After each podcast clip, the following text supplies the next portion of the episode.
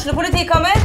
Ine Jansen er purk. Er du purk? The motherfucking bitch. Alt jeg vil, er å finne ut hva som skjedde med mannen min. Jon Carew. Er jeg sikta for noe? Iben Akeli. Det er du. Ole So, Lars Berrum og Big Daddy Karsten. Hvem sin side er du på, egentlig? Anette Hoff, Tone Danielsen, Kommer du fra Afrika? Jørnis Josef, Nesten. Kløfta. Trond Espen Seim, Det er synd å si det, men det var feil mann som døde. Purk. Premiere tirsdag på TV2 Play.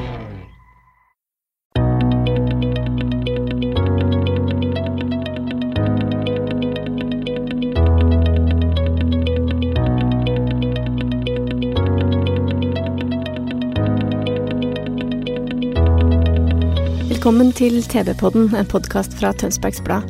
I dag skal du få høre et opptak av en samtale mellom eh, privatetterforsker Tore Sandberg og sosiolog Jan Melum. Opptaket er gjort på Tønsberg og Færder bibliotek i forbindelse med debattserien 'Justismord i Norge arven etter Bjørneboe'. Ja, tusen takk. Eh, Og takk til dere som er kommet. Til tross for regn og fotballkamp og jeg vet ikke hva. Men det vi skal snakke om, er faktisk enda viktigere. Vi er glad for å ha med deg, Tore, i dag også. Takk for at du Veldig glad for å være her igjen. Ja, og eh, før vi, Når vi begynner å snakke om eh, Fritz Moen-saken, så tenkte jeg at vi kunne gjøre en liten reise tilbake til det vi snakket om forrige gang. Eh, nemlig Orderud-saken. Ikke fordi at vi skal ta opp den på nytt igjen, men eh, den er jo under eh, bearbeiding, som dere jo fikk inntrykk av. Og nå har jeg lyst til å spørre deg bare, eh, Er det skjedd noe nytt som du kan fortelle? Ja, øh, det er jo skjedd det at øh, det er utnevnt ny riks riksadvokat her i Norge. Eh, og det ble jo Jørn Sigurd Maurud, som jo var en av aktorene i Orderud-sak. Og jeg registrerte at han uttalte i forbindelse med utnevnelsen at han mente at Orderud-saken hadde fått et riktig utfall. Og da tenkte jeg det er vel litt ugreit, eh, Maurud, at du sier noe sånt nå. Sier du det vitende om hva som ligger i eh, gjenåpningsbegjæringen på 685 sider pluss 30 tilleggsanførsler, eh, de siste levert inn i juni i år? Eh, Jeg må si jeg betviler at han eh, gjør det. Hvis, hvis han kjenner dem, så er uttalelsen enda verre. Fordi det ligger jo materiale i, i, hos Gjenopptakelseskommisjonen, levert av meg, eh, hvor vi til og med har vitner som forteller at de har hatt arbeidsmessig forhold eh, til eh, en person som selv har sagt til dette vitnet at han var til stede da trippeldrapet skjedde i kårboligen på Orderud gård. Han sto vakt utenfor, mens eh, navngitte personer var inne og utførte drapene. Og for å si det sånn, dette ligger eh, ikke opp mot Per og Veronica Orderud. Det ligger et helt annet sted. Så øh, når Maurud kan komme med en sånn uttalelse, så er det nesten sånn at jeg stiller spørsmål om man ikke gjør seg selv inhabil i håndteringen av gjenåpningsbegjæringen. Ja, Det er veldig interessant. Det bringer oss inn på mange av de problemene som ligger i Fritz Moen-saken. Fordi der opptrer nemlig folk både som etterforskere, nær sagt dommere, og det som verre er. Altså Man blir, eh, man blir slått av hvor mye ja, må nesten kalle det inhabilitet som finnes også der. Det skal vi se litt nærmere på. Eh, Men det er bare å følge med videre. Her er ikke ting slutt før de er slutt. Og det kan bli en stund til. Eh, Når vi nå skal gå løs på Fritz Moen-saken, så er det flere ting å reflektere over. For det første så er det jo en gammel sak. Altså Drapene ble begått for over 40 år siden. Eller omtrent 40 år siden. Eh, saken, eh, Sakene mot Fritz Moen ble avsluttet i eh, 2006, etter at han selv døde, og det begynner jo også å bli lenge siden. Og eh, det kan jo tenkes at noen da vil mene Selvfølgelig ikke dere som kommer hit i dag, men mange andre vil mene at ja, men det er jo en gammel sak. Det får være måte på. Kan vi ikke bare gå fremover? Nei, vi kan ikke det. Vi skal ikke det. Annen verdenskrig er faktisk slutt, men vi interesserer oss fortsatt for det som skjedde. Det er noen prinsipielle spørsmål her som vi er nødt til å ta på alvor og gjøre noe med. Derfor så er Fritz Moen-saken aktuell som aldri før. Fortsatt. Og da er det noen sider ved, ved, ved, den saken og et par andre saker som jeg har lyst til å bedre reflektere litt over før vi går løs på alle detaljene i alle detaljene til Tore her, for han kan jo det meste her, og det er så mange detaljer at vi må prøve å holde styr på dem. Men eh, det er jo slik at Tore Sandberg har fått, sammen med flinke, andre flinke folk, fått eh, frikjent tre eh, såkalte drapsmenn. Det var Liland-saken, eh, som vi jo har tatt, snakket litt om før. Og så var det, så var det selvfølgelig eh, det var selvfølgelig Fritz Moen, som vi skal snakke om i dag. Og så er det en, en mann vi ikke har snakket så mye om, som heter Åge Vidar Fjell. En eh, litt eh, hva skal vi si eh, skal vi kalle det litt tilbakestående rent intellektuelt sett mann som ble dømt for drap og fikk syv år og ti års sikring som også ble frikjent gjennom arbeidet til Tore. Og hvis det er noe som kjennetegner disse tre personene, så bør vi jo interessere oss for det. Eller er det helt tilfeldig hvem det rammer? Hvem som blir for livet sitt ødelagt av storsamfunnets representanter. Nemlig politiet og statsmakten, altså domstolene. Og det er ikke vanskelig. Man behøver ikke være sosiolog altså, for å skjønne at det er noe felles ved disse tre her. Det var folk som var på aller nederste hylle. Som ingen forsvarte, egentlig. Ingen brydde seg så mye om. Eh, og eh, som ikke hadde for mange eh, tilhengere eller folk som stilte opp for dem. Og da får jo disse justismordene en enda styggere karakter, tenker jeg. For de rammer ikke tilfeldig som lyn og torden. De rammer noen mer enn andre. Og Nettopp derfor blir det så viktig at det finnes personer som Tore Sandberg og hans eh, kolleger, hans medspillere, som kan gripe fatt i disse sakene og være deres talerør. Og Fritz Moen, han hadde ingen. Og da skal vi gå løs på Fritz Moen-saken. Og Jeg tenkte at jeg skulle spørre deg om du på en eller annen måte hadde kunne greie å, å dra oss gjennom i hovedtrekkene i selve saken. For er jo, Det er jo ikke så enkelt, men, men allikevel så er det enkelt. Nei, altså Fritz øh, var jo det som ble kalt for tyskerunge. Han, øh, faren var øh, tysker. han fikk aldri se faren. og moren plasserte bort Fritz ganske omgående. ved hjelp av en fantastisk fin uh, medarbeider. En kvinne som jeg har møtt, uh, og som hadde mye med Fritz å gjøre. Så, så fikk han uh, møte moren. men det ble et skuffende møte, for moren ville ikke ha noe, noe med han å gjøre. Fritz var jo også handikappet fra fødselen av. Han var praktisk talt døv. Uh, og, før disse svære sakene kom, så hadde han tjuvlånt en moped eller en motorsykkel og kjørt ut. og da ble hans høyre arm og hånd lammet, så han hadde bare én frisk arm. Eh, han hadde en uh, oppvekst som uh, var delvis positiv. Han hadde positivt opphold på, på Andebu. Det var akkurat det. Men det var jo også masse problemer, og når han vokste til, så ble det alkohol og etter hvert så uh, utviklet han noe som var selvfølgelig veldig plagsomt for intetanende kvinner. Uh, som plutselig opplevde at uh, Fritz sto der og, og blottet seg ja. for dem. Og etter hvert så havnet han da i Trondheim. Uh, og uh, der hadde han også uh, steder hvor han, han sto og, og blottet seg.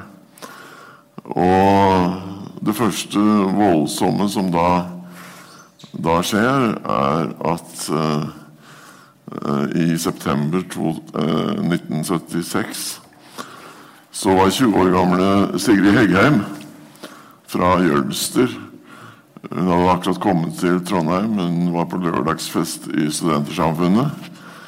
Eh, og hun går da eh, hjemover mot eh, denne hybelen som hun hadde flyttet inn på. Hun eh, hadde første del av veien så hadde hun følge med Arild fra Drammen. Eh, men de skiller da lag, for dere som måtte være kjent i Trondheim, i høyde med, med Lerkendal stadion. Der skulle Arild eh, over eh, en bro over Nidelva, Stavne bro. Mens eh, Sigrid skulle fortsette mot, mot hybelen. Hun kom aldri hjem til den hybelen den natten. Eh, og en eh, liten uke senere så ble eh, Sigrid funnet eh, drept på et eh, jorde på Nidarvoll bydel i, i Trondheim. Hun var kledd naken nedentil. Hun hadde skader i hodet. det var knyttet tre gjenstander rundt halsen hennes. En bh, en, et bluseerme og et plagg til. Eh, og eh, så går det 13 måneder. Det er ikke eh, Ja, riktignok var det et par stykker som var pågrepet, men som, eh, som havnet ut av saken igjen. Så 13 måneder senere så Eh, gjentar historien seg. Torunn Finstad er på lørdagsfest i Studentersamfunnet. Hun går hjemover, antagelig antagelig to-halv tre-tiden eh, på natten. Og Torunn skal over Stavne bro, altså samme broa som Arild, dansepartneren til Sigrid, hadde gått over 13 måneder før. Og eh, et par dager senere så blir liket av Torunn Finstad funnet eh, i området på vestsiden av Stavne bro. Hun eh, var åpenbart på vei mot eh, den hybelen som hun hadde flyttet inn i. Hun var også naken nedentil. Gjerningsmannen hadde uh, helt åpenbart prøvd å kvitte seg med henne ved å skyve henne ut i Nidelva. Men på vei ned den skrenten så tar den høyre knehasen til Torunn eh, borti en gren. Eh, og hun, kroppen faller bakover, og hun får hodet under vann. Så Torunn levde da gjerningsmannen skjøv henne utfor. Eh, dødsårsaken på Torunn er drukning. Eh, da tar det ikke lang tid før Fritz Moen eh, kommer inn i bildet. Fritz bodde på Trondheim og omegn Vernedags hybelhjem ved Nidelva. Uh, og uh, han hadde blottet seg inn i det høyaktuelle uh, området for Torunn-drapet. Så jeg har aldri kritisert politiet for å iverksette etterforskning mot Fritz Moen. Men det ble en, etter min oppfatning, Eh, så ensidig etterforskning at vi i realiteten står overfor et av de mørkeste kapitlene i norsk rettshistorie. Uh, Politiet, når de finner eh, et lik, så går de selvsagt rundt og banker på dører og spør har du sett noe, har du hørt noe. Uh, og en av uh, dem som uh, fikk besøk av politiet, var en tolv år gammel skoleelev. En skole i nærheten av åstedsområdet. og han forteller da en historie til, til politiet. at han hadde gått denne stien, altså over brua, så er det en den gang ganske smal sti. Eh, det er en bratt eh, skråning langs denne stien som går over i en 40 meter bred slette. Og så er det en skrent 7-8-9 meters skrent igjen ned til Nidelva. Denne tolvåringen han hadde da sittet, han hadde sett en uh, kar som sto og hang over jernrekkverket langs denne stien og, og kasta opp.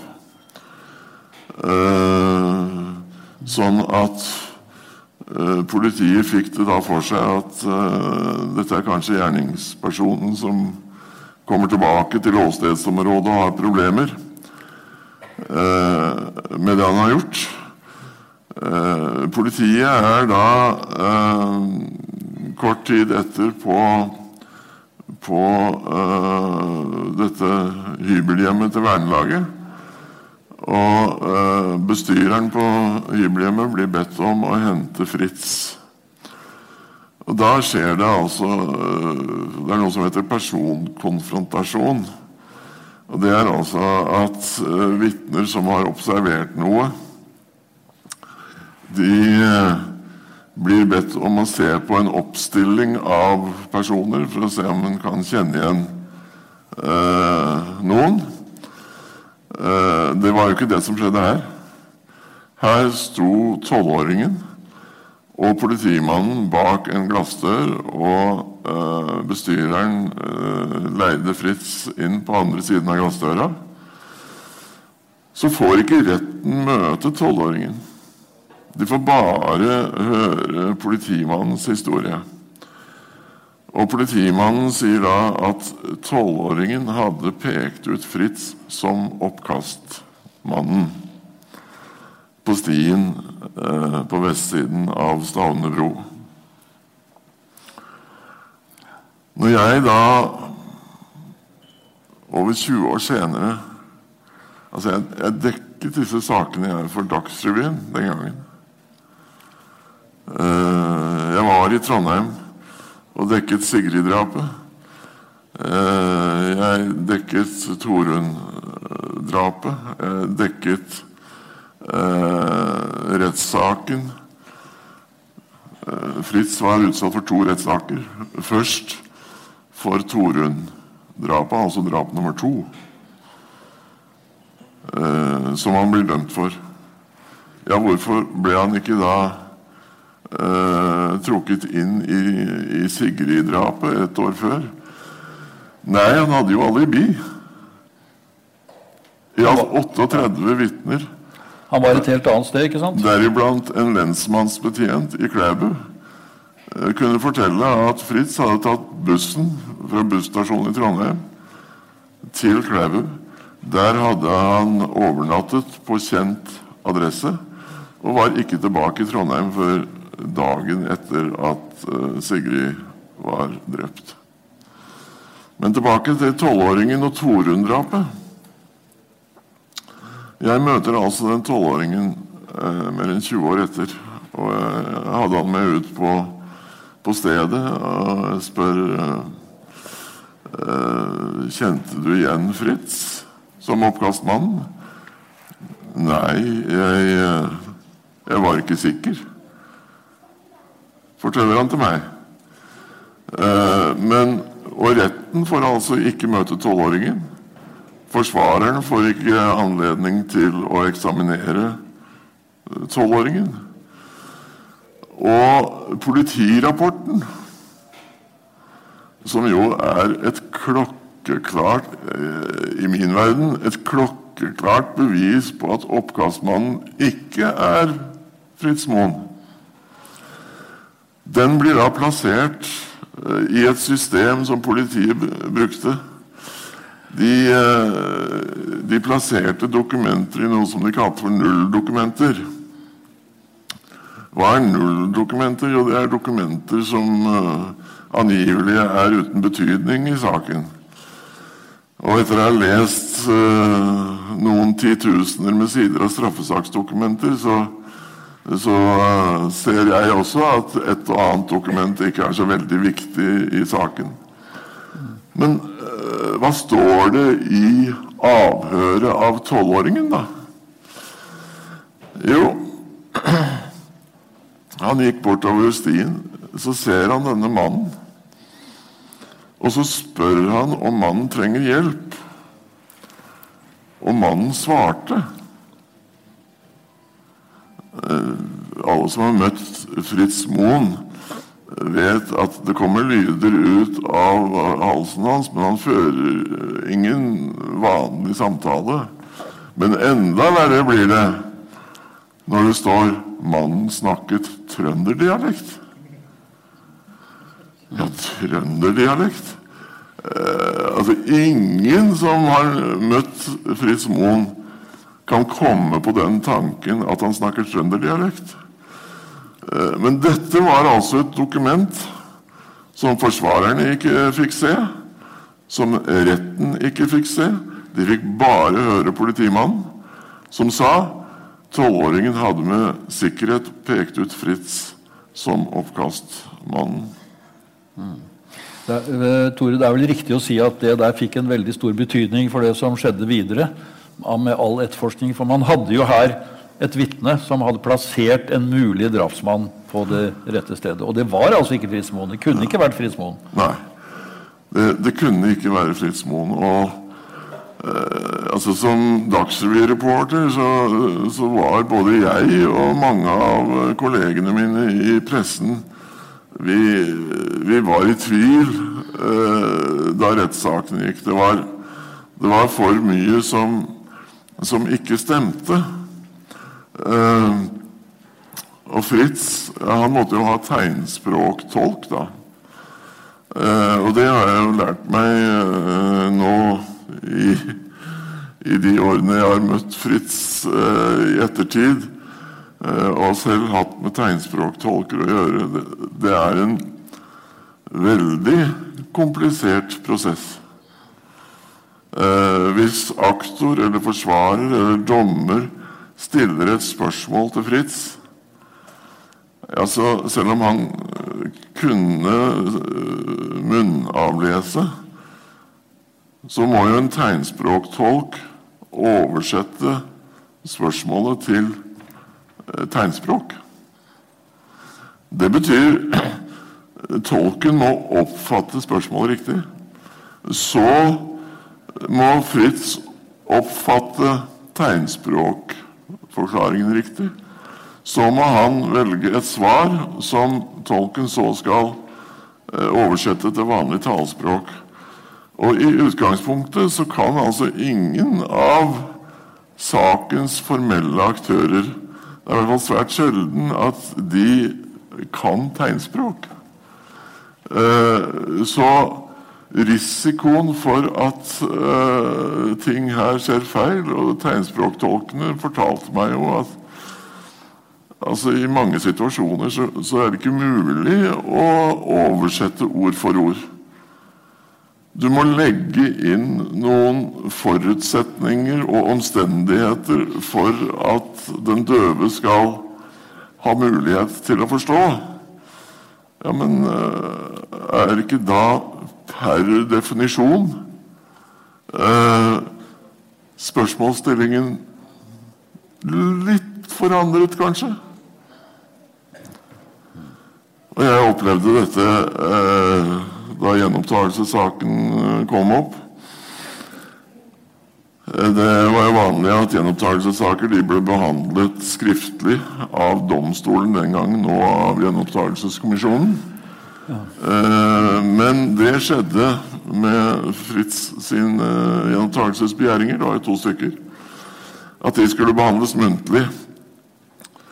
Og de kunne ikke behandles i Frostating lagmannsrett. Fordi en av aktorene i en av sakene var jo blitt lagmann i Frostating lagmannsrett, så den ble flyttet til Tromsø. Og Jeg skulle jo forklare meg som uh, vitne, da. Uh, og da får du ikke lov til å, å sitte inne i, i rettslokalet. Uh, så jeg satt ute på gangen da mens Fritz forklarte seg.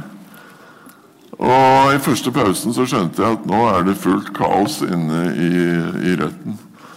For nå har jammen Fritz tilstått drap igjen. Under behandlingen av sine egne gjenopptakelsesbegjæringer. Hele grunnlaget for at han ble dømt, var jo at han hadde tilstått. Ja. Jeg tror at uh, Hvis vi stopper opp litt her, for det her er noe veldig vesentlig I, i den første rettssaken, altså da han ble dømt, da, så eh, mente jo politiet, etterforskerne som forhørte han, og etter hvert også aktor og retten, at han hadde tilstått. Og Da oppstår et problem her, fordi det var slik at det var flere oppfatninger av begrepet sannhet. Når, eh, når Fritz ble spurt om det var sant, så sa han eh, ja. Eller han bekreftet at det var sant. Altså De spørsmålene som ble stilt Har du drept henne? Er det riktig at du har drept henne? De stilte massevis av sånne spørsmål som var veldig ledende. Selv for vanlige folk som hadde fullt eh, sanseapparat, så var det ledende. Men her var det jo mye verre, fordi det ble jo misforstått. Når Fritz eh, mente at det var sant, så mente han antagelig at det, sant, at det som, eh, at det som, som etterforskerne eh, da sa, at det var sannheten. Men ikke nødvendigvis det som han mente. Altså, Etterforskerne måtte, de, de, hadde sin egen sannhet. Og når han ble spurt om det var sant, så sier han at ja, det er sant, det de sier. Men det betyr ikke at det var sant for han. Altså, det er en sånn nokså komplisert tolkning som, som disse etterforskerne ikke hadde noen forutsetninger for å begripe. Tvert imot. Er det ikke det riktig? Jo, og, og da jeg altså mer enn 20 år etter fikk tilgang til straffesaksdokumentene og kunne lese forklaringene eh, Ta Torunn-drapet. Hva er det Fritz forklarer? Jo, de hadde hatt en, eh, en, sammenkomst med alkohol og litt forskjellig på dette hybelhjemmet. Eh, og han hadde da drukket seg opp og blitt mer og mer opphisset. Så går han ut. Og han plasserer seg da, hvis til dere igjen som måtte være kjent i Trondheim Han plasserer seg på østsiden av Stavnebrua, altså på Lerkendalssiden. Så ser han eh, at det kommer en kvinne og han følger etter henne over brua. Han blir mer og mer seksuelt opphisset, fremgår det av uh, avhørsrapporten. Ved enden av brua så tar han fatt i henne, men han har jo bare én arm. Den andre er lam. Så han prøver å trekke benklærne hennes ned, men det fikk han ikke til fordi denne kvinnen hun holdt igjen. Det han så gjør, er ifølge avhørsrapporten er at han tar kvinnen da med sin friske arm. Han vrenger henne over brorekkverket sånn at hun faller ned ved brofundamentet. Altså Politiet må jo ha skjønt at dette her er jo bare en røverhistorie. Det var en drøm, ikke sant? For det er jo, det er jo ikke der liket av Torunn ligger. Eh, vi må bevege oss 200 meter sørover rundt en sving på Nidelva. Der borte ligger eh, liket av Torunn. Og hun har slett ikke benklærne på, de er trukket ned. Så forklaringen er skivebom. Og det har altså Fritz ja, faktisk blitt fortalt. Han har altså blitt uh, bedt om å forklare sannheten innledningsvis. så slår de i bordet og sier 'Nå må du fortelle sannheten'. Ja vel, da var det ikke sant det jeg fortalte likevel. Da, da får jeg flytte meg lenger innover stien. Det er altså helt bom. For det stemmer ikke med eh, noe som politiet fant, og som de trodde var spor etter den bevisstløse Torunn Finstads rutsjende kropp nedover skråningen. Det var eh, gressvekster som var presset ned. Eh, og det tenkte politiet. Fritz Til slutt så fikk de han til å si at han hadde tatt tak i henne. Det er altså forklaringen forandret flere ganger.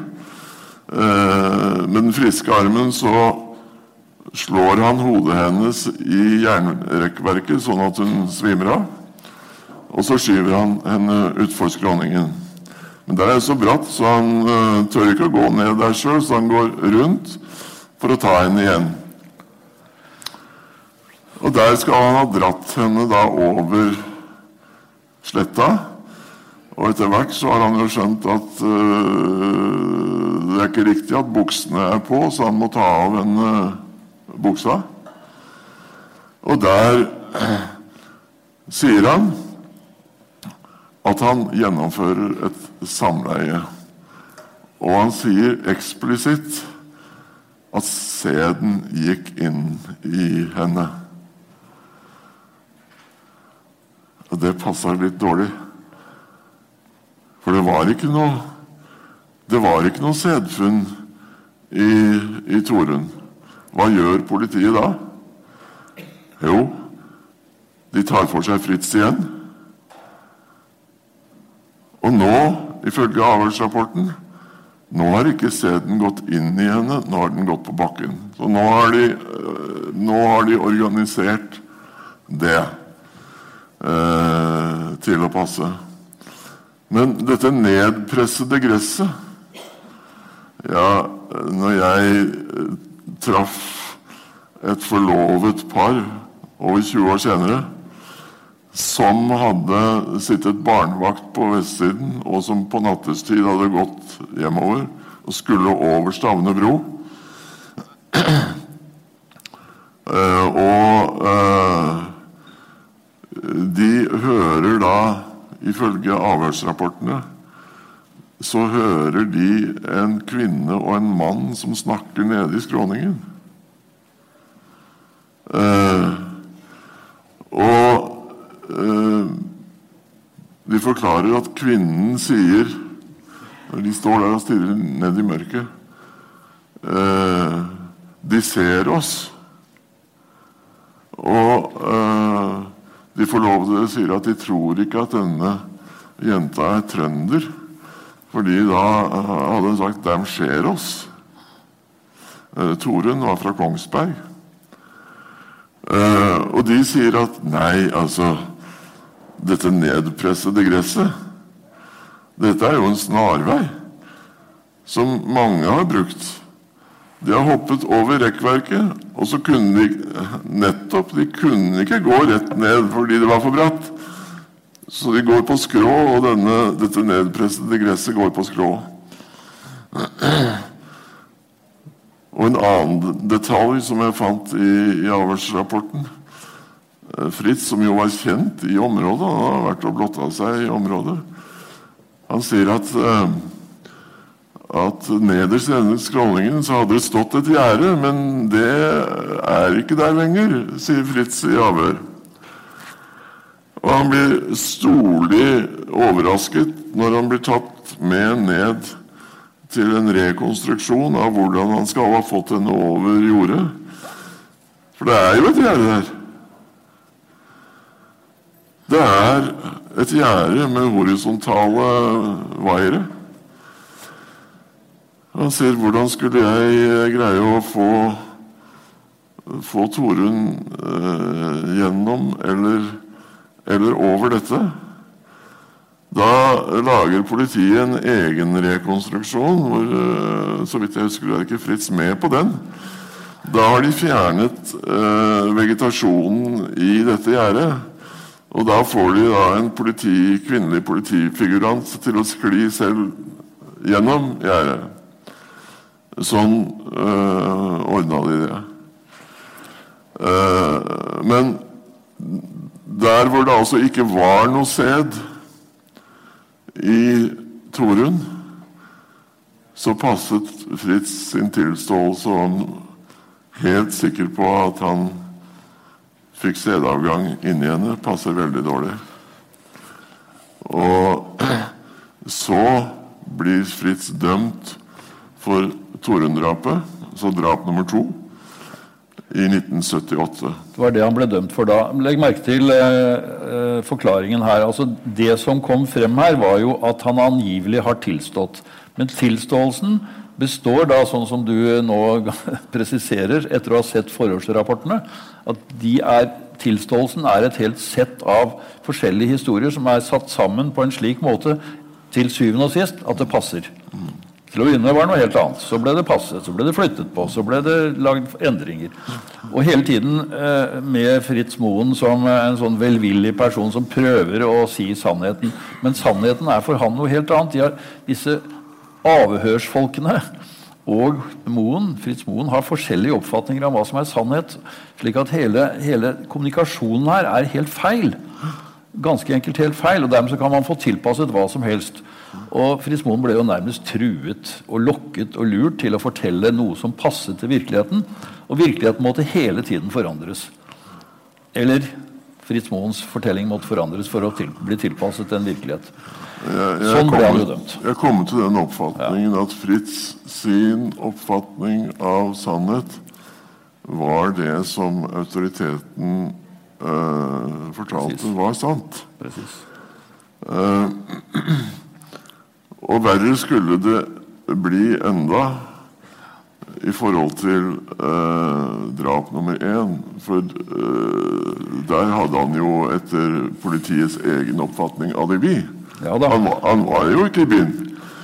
Uh, ja, hvordan skal vi fikse det, da, når, når, uh, når det er, begynner å liksom uh, diskutere mulig gjenopptakelsesbegjæring for uh, Torunn-drapet, altså lenge før jeg kommer inn i noen gjenopptakelsessammenheng? Jo, da får politiet det for seg. Kan Sigrid ha overlevd den natten hun gikk hjemover? Ingen har sett henne. Ingen har hørt henne. Men likevel. Altså at hun kom, hun kom hjem på en måte uten at noen la merke til det, og, så, og levde som bare det, og så ble hun drept eh, neste Så dag. går, går hun ut dagen etter. Da er jo Fritz tilbake i byen. Så da har han ikke alibi lenger. Nei, det er sant. Men husk på det nå at eh, i den første, den første saken så ble altså Fritz Moen dømt. Han fikk, eh, etter at traffen ble satt ned litt grann i, i Høyesterett Ja, han så ble fikk vel 16, 16 år, eh, 16 år, ja. for, for det. ja.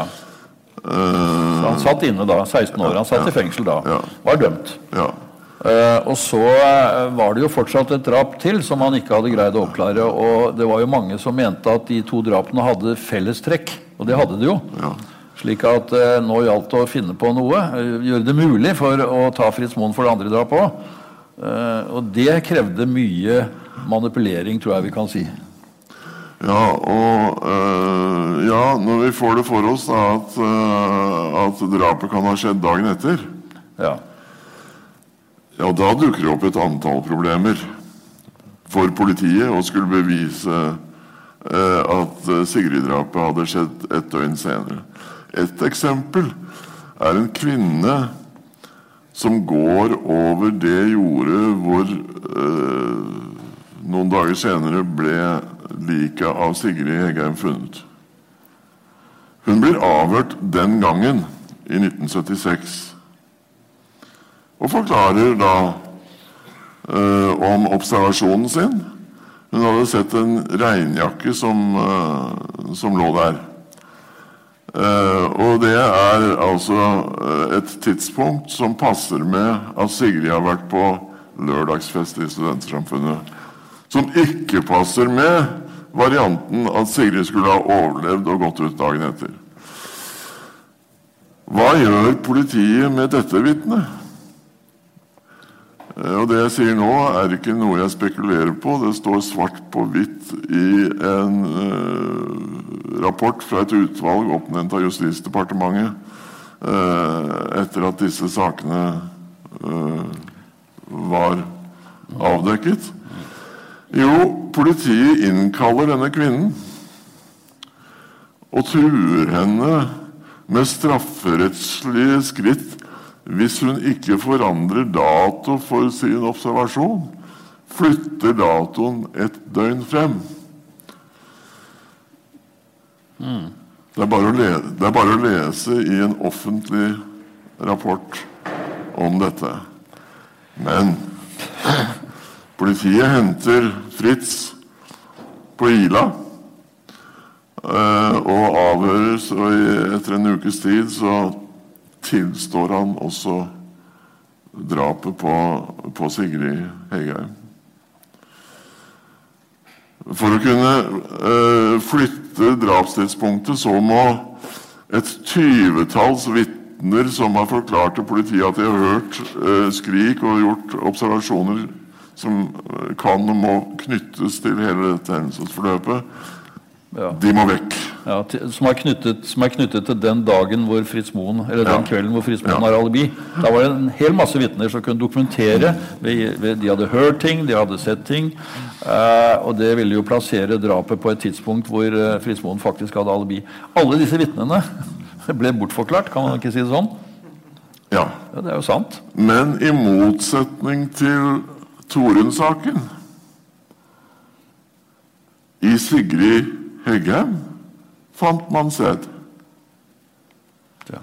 Ikke bare i vaginalsekretet, men de fant det tre steder på klærne. På noe som var knyttet rundt halsen hennes, og også to andre steder på, på klærne fant man sæd. Og Den gang var ikke eh, DNA-metoden Eh, kommet ennå. Eh, så den gang analyserte man biologiske funn med henblikk på blodtypebevis. Så altså Hvis man fant blodtype A i liket, og jeg har blodtype A så ville jo ikke det være noe bevis for at uh, jeg var gjerningsperson. For uh, nå, husker, nå, husker jeg ikke hvor mange 50% Ja, Omtrent halvparten av oss har den, den, blodtypen. Men hvis jeg hadde en annen blodtype enn det som ble funnet Ja, snakker vi ikke da om et utelukkelsesbevis? Og hvilken blodtype hadde Fritz? Ja, Fritz det jeg måtte, jeg måtte, lære meg de merkverdigste ting om, om rettsmedisin. Det er altså sånn eh, Hos noen av oss så skiller vi blodtypen vår ut i spytt, i svette, i sæd. Noen av oss skiller ikke blodtypen vår ut uh, i, uh, i hva heter det for noen slimhinner. Ja, I sekreter, liksom. Ja. De av oss som skiller uh, ut blodtypen sin, kalles for utskillere. De av oss som ikke skiller ut blodtypen sin, kalles for ikke-utskillere. Og vi eh, har jo tappa blod fra Fritz og fått dette analysert. Eh, Fritz er en 100% ikke-utskiller. Du kunne ikke finne blodtypen til Fritz i sæden hans. Ja, men det var jo blodtype A i sæden. Og det var blodtype A i snora rundt halsen. Og det var blodtype A eh, på de andre stedene på plaggene. Hvordan i himmelens navn kan dette da henge sammen? Han har alibi, han var ikke i byen. De fant annen manns sæd i liket og på klærne. Men unnskyld uttrykket, like fordømt dømte Frostating lagmannsrett Fritz Moen i 1981. Til og med på hans 40-årsdag ble han dømt. Også for drap nummer én. Så da ble den samlede straffen utvidet til 21 års fengsel og 10 års sikring. 10 års sikring ja. Og ja, altså, da ja. Jeg har en, en venn på Haukeland sykehus, hvis han er pensjonert nå. Men han fulgte interessert med. En dag så ringer Magne meg. Og så sier han Tore uh, ja, jeg må, jeg, må, jeg må, dra et annet element først. Det, det, det mest fantastiske er jo at Hvordan skulle hun da finne ut av dette? Jo, da eh, henviste en til noen internasjonale laboratorieundersøkelser hvor eh, bakterien E. coli var dyrket fram i laboratoriet.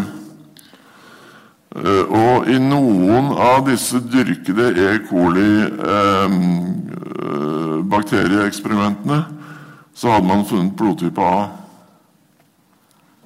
Ah, kanskje det er sånn det henger sammen? At det er en bakterie som har ligget der og formert seg og produsert dette blodtypefunnet. Ja, men da kan det jo være fritt allikevel, da. Det er en veldig viktig poeng der. Man greide da ved en utrolig finurlig metode, som viste seg å være helt uholdbar, egentlig, å ta bort det der blodtype A-beviset. Jeg går ut fra at du har tenkt å fortelle om den fantastiske konstruksjonen av muligheten for at det skulle være ja, altså, ja, Kan du ta det nå? Ja, Magne, ja. overlege Magne ringer meg. Og så sier han Tore, E. coli eh, formerer seg ikke under 10 grader celsius. Og så tenkte jeg ja, jeg hadde jobba i Dagsrevyen. Jeg må jo ringe til mine gamle kompiser på Meteorologisk institutt og, og få inn værdata for den uka uh, Sigrid lå ute i september. Og dataene rausa inn, og, og, det viste seg det hadde, jo, det hadde jo aldri vært temperaturforutsetninger for bakterievekst. Så nå tenkte jeg nå har jeg tatt dem. Men nei, det var ikke Det var ikke nok. Jeg hadde til og med innhentet en uh, spesialistuttalelse fra sjefen for blodbanken på Ullevål. Uh, men nei, Høyesterett ville ikke, ville ikke akseptere dette. Så de oppnevnte en professor i København til å vurdere dette E. coli-beviset. Og da hans rapport kom, ja. da var det spikeren i kista for det norske rettssystemet. Og han skrev det er en forutsetning for at E. coli skal formere seg, er temperatur. Inni Sigrid så kunne du kanskje teoretisk tenke deg at det hadde vært en viss temperatur for bakterievekst. Men du har funnet samme blodtype tre steder på klærne hennes. De funnene er jo umiddelbart blitt utsatt for helt andre omstendigheter og betingelser enn inne i Sigrid. Så jeg vurderer sannsynligheten for at blodtypefunnene er forårsaket av bakterien E. coli til å være mindre enn 1 til 1 million, eh, skrev den danske professoren.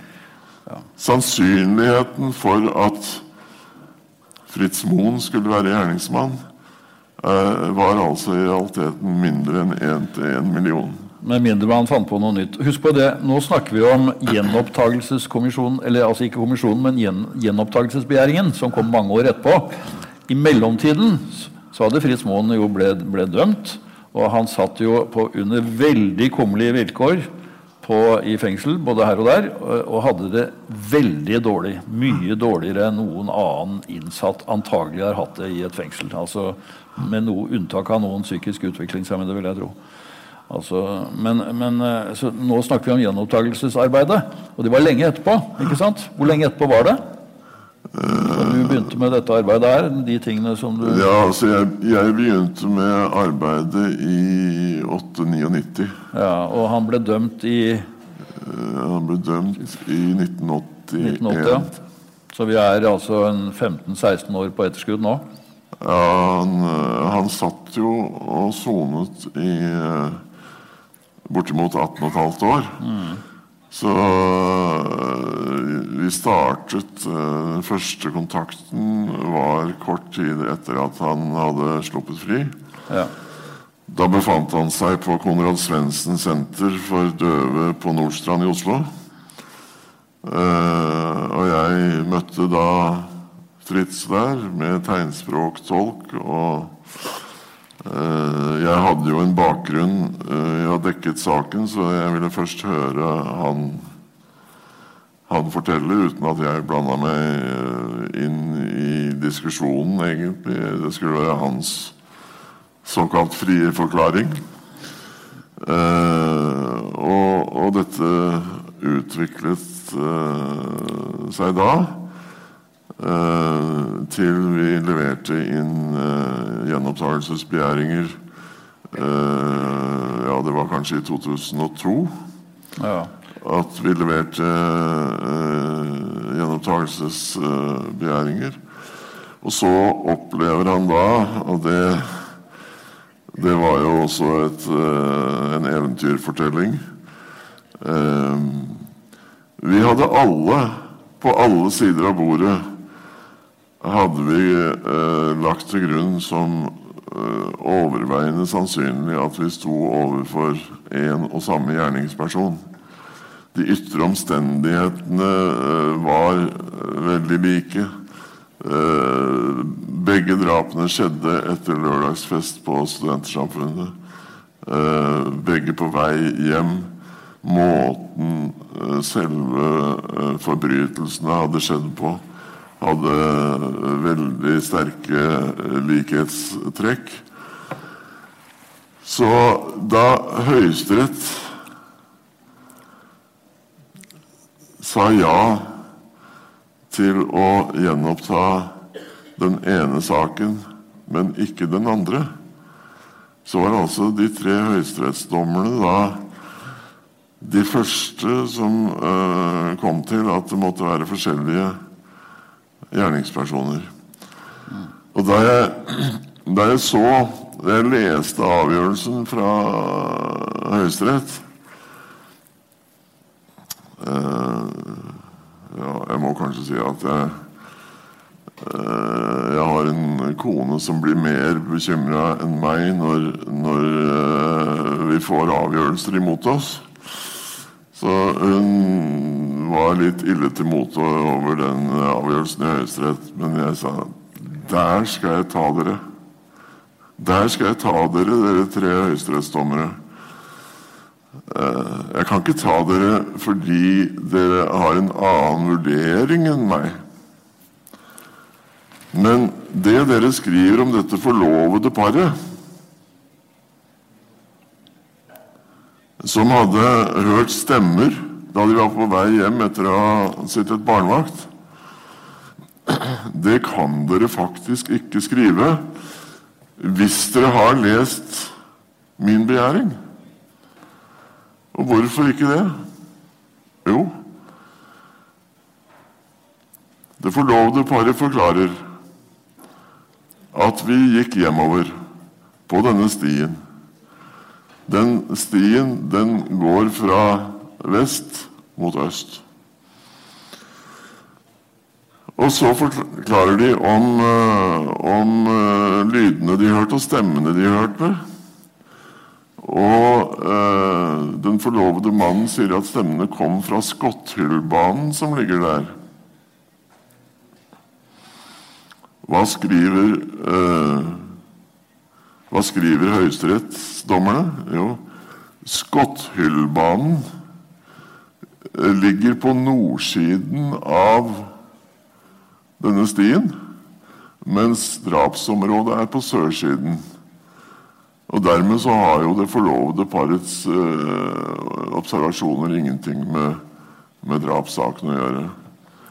Men kjære eh, dommere i Norges høyesterett. Hvis dere har lest min begjæring, så har jeg jo avfotografert det forlovede paret. De står og peker rett inn i eh, området hvor de hørte eh, lyden. Og hvis du leser den forklaringen som du siterer i Høyesterett, så sier den forlovede mannen lyden kom fra høyre side i gangretningen. Ja, hvis jeg går fra vest mot øst og ser mot høyre, ser jeg da mot nord?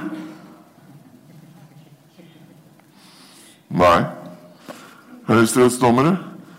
Da ser jeg mot sør. Sånn at eh, Vurderingsuenighet kan jeg ikke ta dere for, men dette kan jeg ta dere for. Så jeg anmelder dere tre dommere med sikte på å stille dere for riksrett. Vi kan ikke ha dommere i Norges høyesterett eller i noen som helst domstol som med vitende beskriver et uriktig faktum. Husk på nå at vi snakker om gjenopptagelses, gjenopptagelsesbegjæring eller arbeidet med gjenopptakelse av den, andre, den andre saken han ble dømt for. Altså, mm. Som egentlig var det første drapet. da. Mm. Eh, han var jo allerede, På det tidspunktet hadde dere fått frikjent han for det første. Ja. Så jeg er Jeg tror jeg er i en nokså sjelden kategori som har sittet, sittet i Stortingets diplomatlosje og hørt Stortinget debattere min eh, anmeldelse av eh, dommere i Høyesterett og begjæring om å stille dem for riksrett. Uh, Men det ble ikke noe riksrett? Nei, det, det ble ikke det. Uh, de uh, de turte rett og slett ikke. Nei.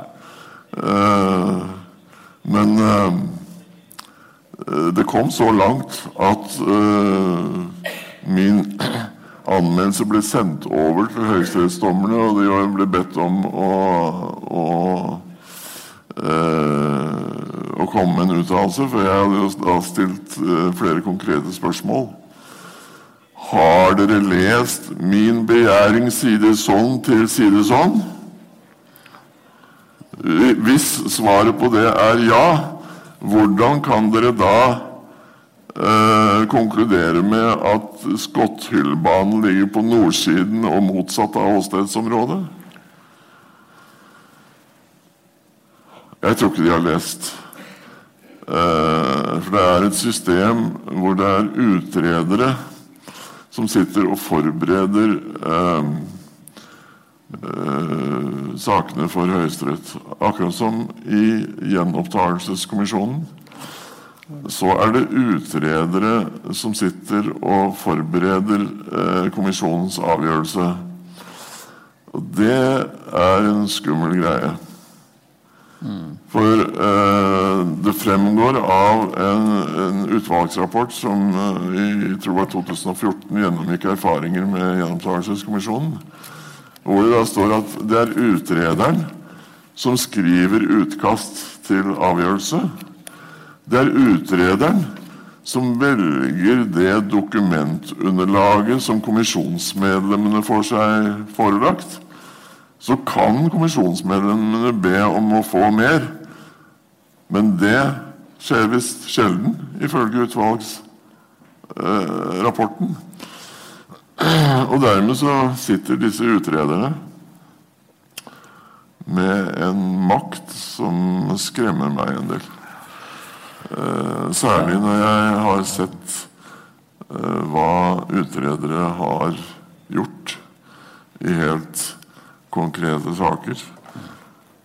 Hvor jeg f.eks. har påvist at uh, dere følger ikke dere følger ikke lover og regler.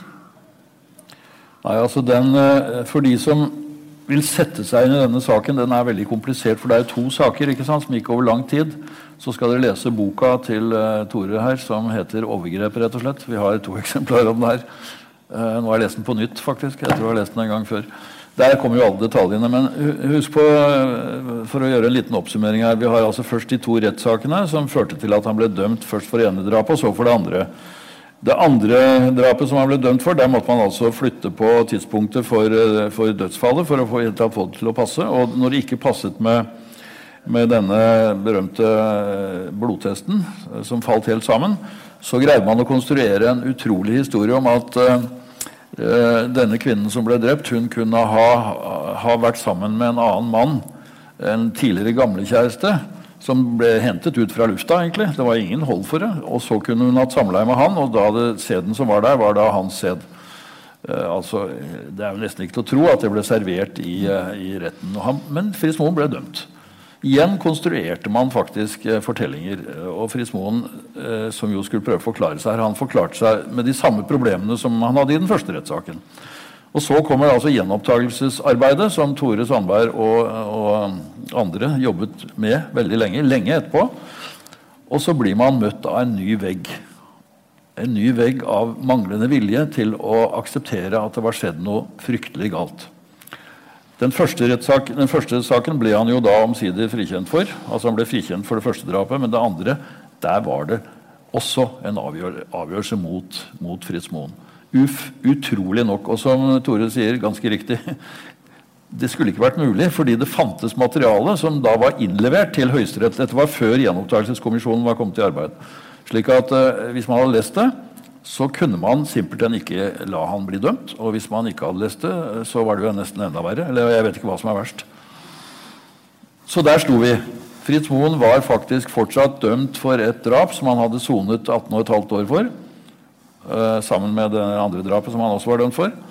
Uh, og, så, uh, og, så, døde han jo. Mm. I 2005. Påsken i 2005. Ja. Og fortsatt var han ikke frikjent for det andre drapet. Som, altså hvor hele påtalen, hele apparatet, var skrudd sammen på en måte som gjør at man tror nesten ikke det er sant når man leser det. Og Det er ikke noe som Tore Sandberg og jeg sitter og sier. Altså, Tore vet jo mest om det, selvfølgelig. Men uh, det er andre som har sett på saken etterpå, en kommisjon som gikk gjennom dette, og de har altså en, en, en konklusjon som er helt forferdelig, altså helt drepende. Men hva skjedde når han uh, endelig ble frikjent post mortem? Ja, eh, altså Jeg hadde jo nektet å tro at jeg nå i disse dager eh, skulle bli fortalt nyheter om eh, om en som er blitt utpekt som gjerningsmann for, for de to drapene. men det fortalte faktisk du meg. Ja. ved en tilfeldighet. Jeg, jeg, jeg, visste ikke om den telefonhenvendelsen som du fortalte meg om. Ja, Jeg kan godt komme inn på det. fordi det som skjedde altså Fritz døde jo da eh, i mars, var det vel, i 2005. Ja. Og eh, eh, altså var fortsatt eh, dømt for et drap som han ikke hadde begått. Um, det var jo ingen vilje hos Høyesterett heller da, til å, å, gjenåpne saken og, og frikjenne ham. Så der sto jo saken. Men så begynte det å skje ting fordi det dukket jo opp en person som eh, på, lå på dødsleie på høsten i, eh, ganske sent på høsten, rett ved juletider eh, det samme året. Som da tilsto til presten på sykehuset, et sykehus i Trøndelag at han hadde begått de to drapene. Og han, han kom iallfall med en slags tilståelse, og så døde han. Og det satte jo fart i, i arbeidet videre. altså man kan si at Det interessante her, det skal dere merke dere, det er at når, når det faktisk da ble avsatt sagt en frifinnende dom i den saken, også post mortem, så var det ikke med, på grunnlag av alt det fæle arbeidet, håpløse arbeidet, som var gjort i, eh, under rettsforhandlingene og i, av domstolene. Nei, det var selvfølgelig Nå fikk man et, en mulighet til å slippe litt unna sin egen krok. Nemlig skylde på får man nesten si det sånn, skylde på den mannen som jo hadde kommet opp og tilstått eh, drapet, slik at man var ferdig med det. Det første drapet han, han tilsto det også, men der var jo Fritz Moen allerede frikjent. så det var ikke så farlig med det siste. Så da fikk man en anledning til å foreta en frifinnende dom eh, uten å gå inn i saksmaterialet som du hadde produsert. For det ville vært veldig ubehagelig. For der var det så fullt av feil at man tror ikke det er sant. Så dermed så ble det sånn. Og når Tore nevner det med, med min, mitt innspill her, så er det fordi at i 2005, eh, på, i august var det vel, i 2005 så kom jeg med en bok som het 'Din eneste venn'. Kanskje litt ironisk fremstilt, men, eh, men modellen der var nemlig en døvstum mann som hadde sittet inne eh, lenge i fengsel for drap som han angivelig skulle ha begått som slapp ut igjen og opererte, ikke, eh, opererte her i Vestfold. Så jeg forandret jo på historien, men jeg brukte jo Frismoen-historien for alt det var verdt. Og eh, denne mannen eh, ble da etter hvert eh, Man kan vel si at han ble, fikk sin ære gjenopprettet da, eh, i min fiksjonsfortelling. Det var veldig lett å se for de som kjente Frismoen-saken, at det var den som jeg hadde brukt som eh, modell. Og det skjønte man i hvert fall i Trondheim, for der ble jeg intervjuet i Adressa og også på lokalradioen, som da, og da forklarte jeg om dette her. Og husk på, at på det tidspunktet var altså ikke Fritz Moen eh, Han var jo død, men han var altså ikke frikjent for det andre eh, drapet. Så fikk jeg en telefon eh, i, ikke så lenge etter at boka kom ut, et par uker etterpå, eh, fra en mann som ville snakke med kriminalforfatter Jan Melum.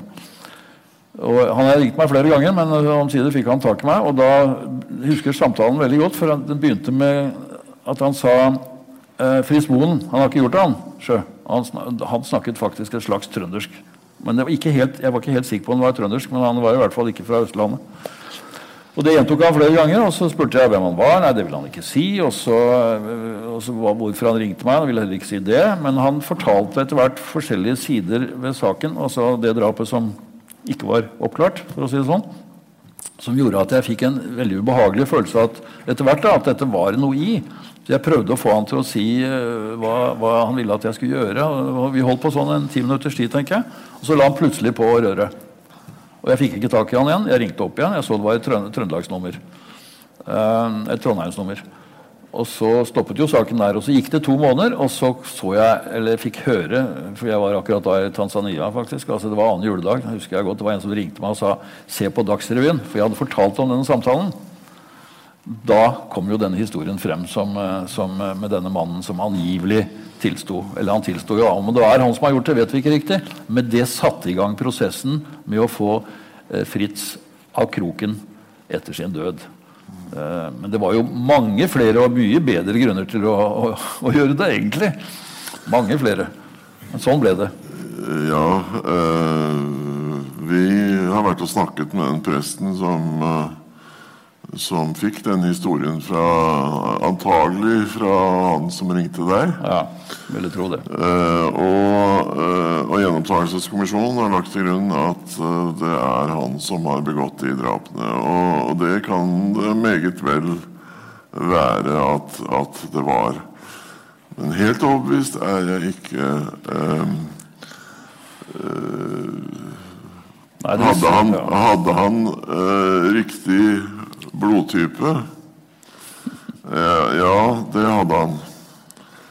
Eh, men det Det greide de ikke å, å fastslå ved å, å, ta blodprøve av han. Eh, det fant de i vernepliktsboka hans. Den blodprøven de tok, den slumsa de sånn med at de greide ikke å få verken noe DNA-profil eller blodtype Faktisk. ut av det. Utrolig nok.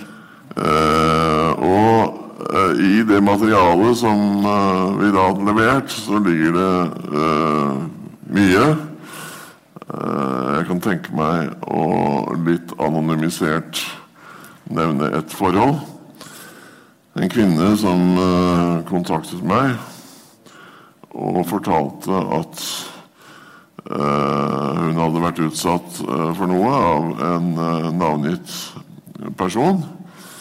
Eh, som hadde fått henne til å bli med opp i en leilighet for å, å gjøre rent mens eh, hans kone ikke var hjemme.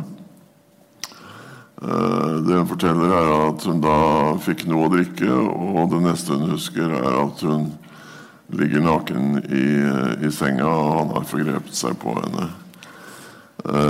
Og etter hvert så viser det seg at denne karen han har da i hvert fall eh, gjort det overfor fem forskjellige kvinner.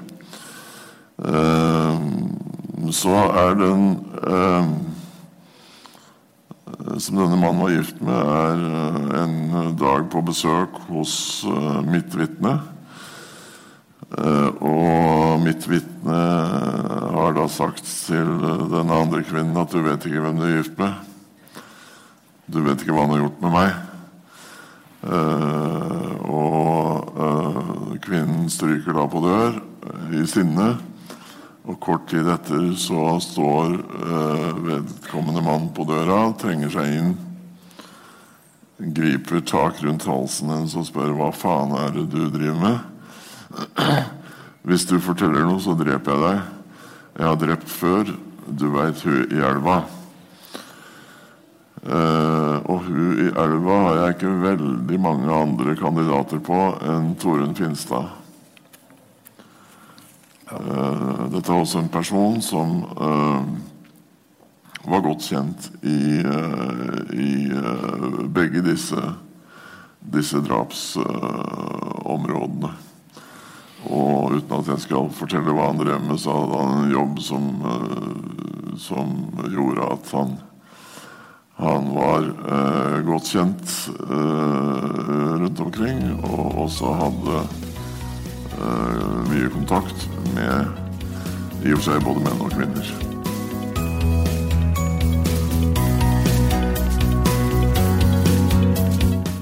Du har hørt en podkast fra Tønsbergs Blad. Det er Vegard Vatn som var teknisk ansvarlig for denne episoden.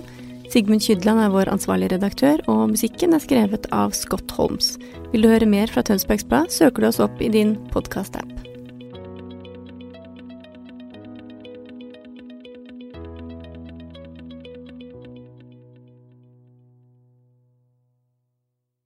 Har du et enkeltpersonforetak eller en liten bedrift? Da er du sikkert lei av å høre meg snakke om hvor enkelt det er med kvitteringer og bilag i fiken, så vi eh, gir oss her, vi. Fordi vi liker enkelt. Fiken superenkelt regnskap.